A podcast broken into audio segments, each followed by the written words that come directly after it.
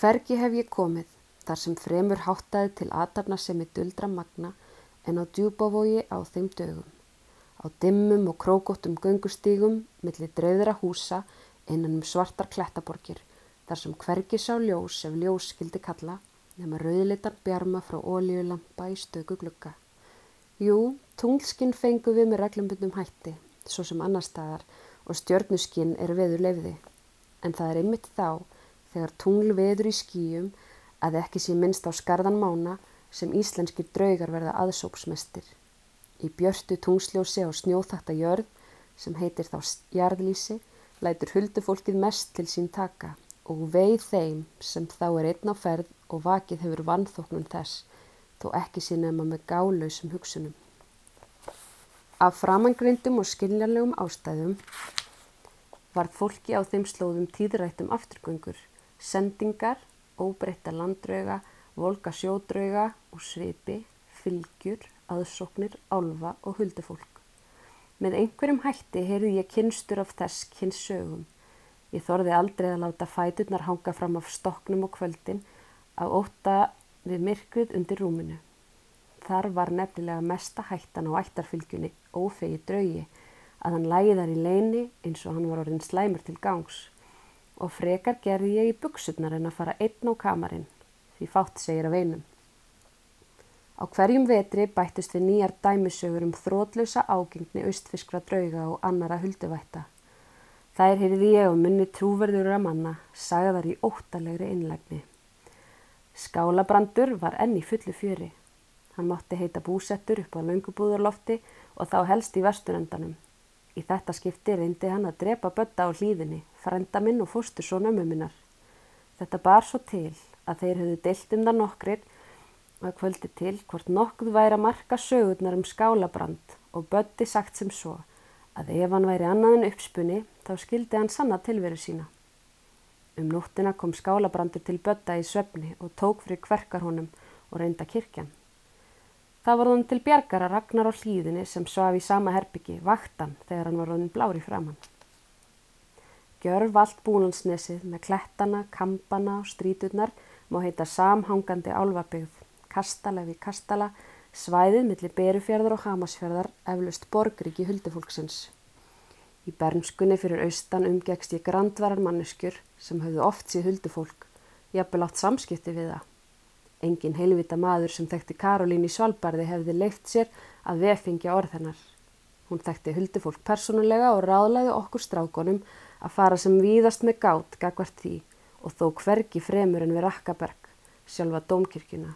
Því líktu við, því líkir djöful skrjótkastarar sem við annars vorum. Í það minsta þegar við glemdum okkur ekki alveg.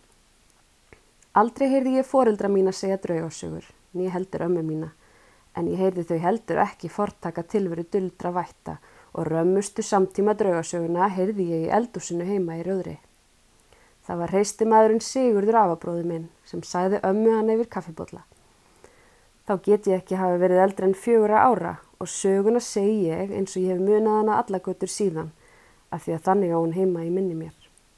Í þeirri mynd kom hún inn í óttarslegin hugarheiminn sem mátti þó illa við svo merkið um kapitula. Ég man að frændi nafngrindi heimildarmann sinn á sögunni en hef glimt nafninu.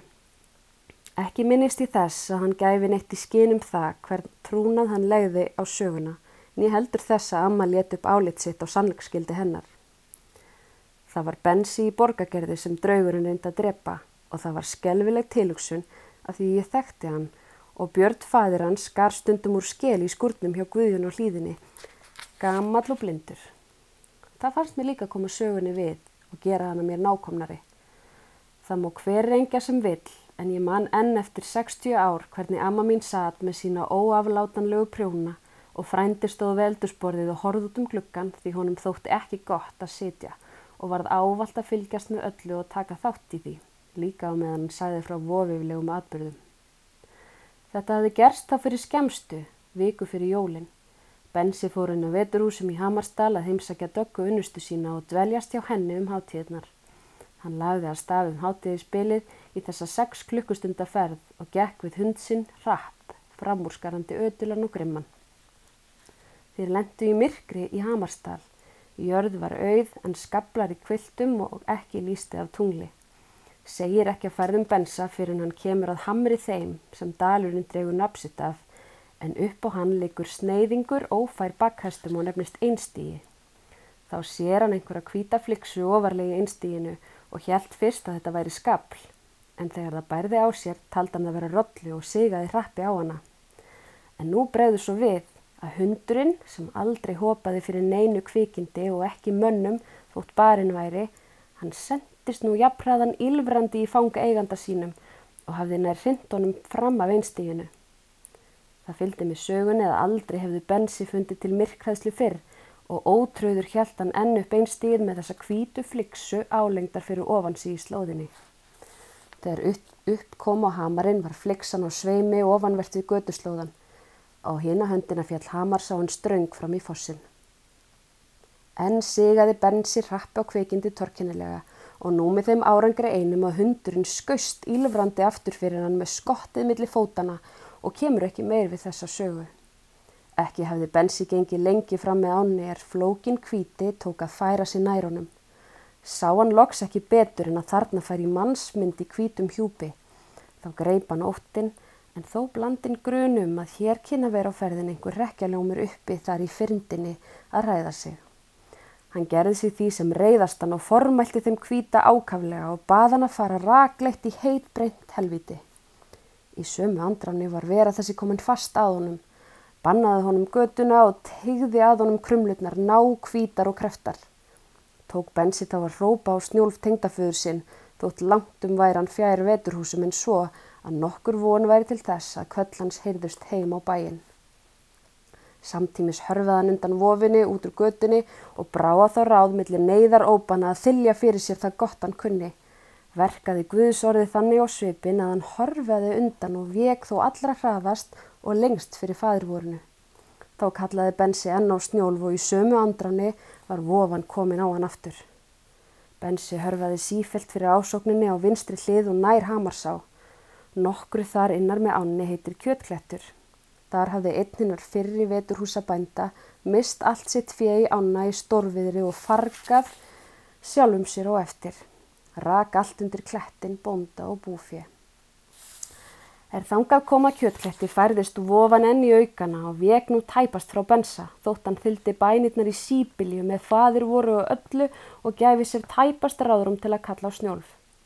Nú fór það heldur ekki lengur á milli mála hvað draugurinn hugðist fyrir og hrækti nú bensa æna í ránni. Var hann síðast tekin að vaða í landkvíslinni en vofan olmaðist fyrir ofanan á eirinni. Að lokum heyrði snjúlfur bóndi neyðra og bensa inn í bæ og brást skjótt við honum til hjálpar. Þá hefði hann vaðið lengi í áni og hvergi komist upp úr fyrir að, aðsókn eftirgöngunar.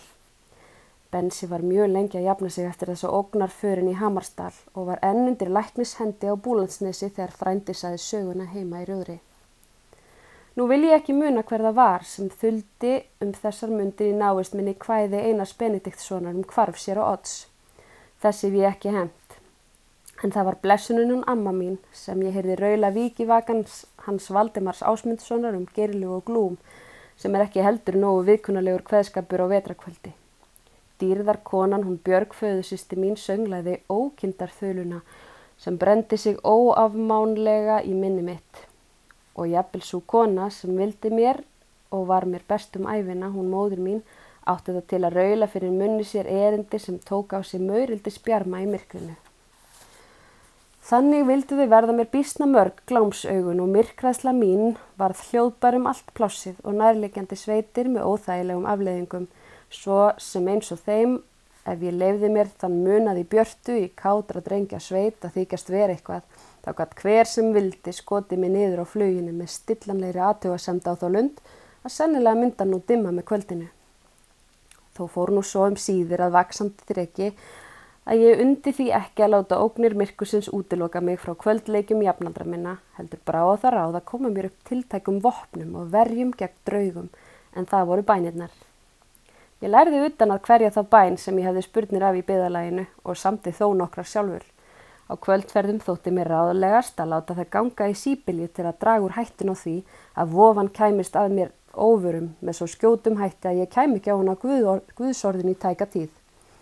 Öfugt við ráð geðstiltra kjarkmanna þá hljópi ég ávalt sem hraðast í myrkrinu til þess að stitta áhættu tíman.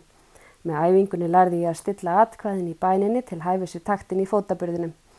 Er ég rifja nú upp fyrir mér þessi guðs orða hlaup þykist ég sjá að ég hafa jafnaði andað út einu bænaratkvæði fyrir hver fjögur til fimm skref. Þessi aðferð drýði ekki aðeins bænirnar verulega á vegferðinni, heldur tempraðun andadráttin og kom í veg fyrir mæði, en það fekk ég aldrei hlaupasting á þessum ferðum mínum. Ef mjög var dimt og langt að hlaupa, var best að draga ekki af, en brúka sjálft fadirvorið. Einu sinni hljópi ég í blek myrkri frá tegarhortni 6 km leið út á djúbavog á þremur fadirvorum, að vísu mjög tegðum. Þriðja amenið skrapp út mér um leið og skúrdirnar lukust á eftir mér heima í rjóðri og small saman við hurðaskellin. Í þeirri för náði ég samsagt tveimur kílómetrum út úr hverju umferð bænarinnar. Var þó hvert mitt andkaf á hlaupum sérstakt bæna kvak. Ekki minnist ég þess að hafa blásiðu nös þegar heim var komið í lampaljósið, heldur bara óska þess að nú færi sýstu mínar ekki að stríða mér á því að ég hefði verið að fylgja Elísu vinkonu minni heima tegarótni, sem var satt. Aðferðin gafst mér vel og lái mér hver sem vill þó ég styrtist í trúnni á mátt bænarinnar. Var þetta aldrei fyrir neittni áreitni af halvu drauga.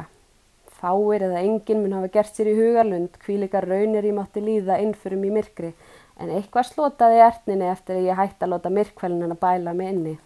Þó heyrði ég því stundum viðbröðið óþörfu hver fátæma skjótur ég væri á förum millir húsa á kveldin. Þar með var líka fókið í það skjól að foreldra mínar teltu sér þurfa að hlýfa mér við nöðsina ferðum eftir að dimt var horfið. Óskaplegust voru hlaupin með sjó þegar reka þurfti frá flæðaskerjum í myrkri. Því hvað var það að hlaupa með tvo, þrjá landdrauga á hælunum?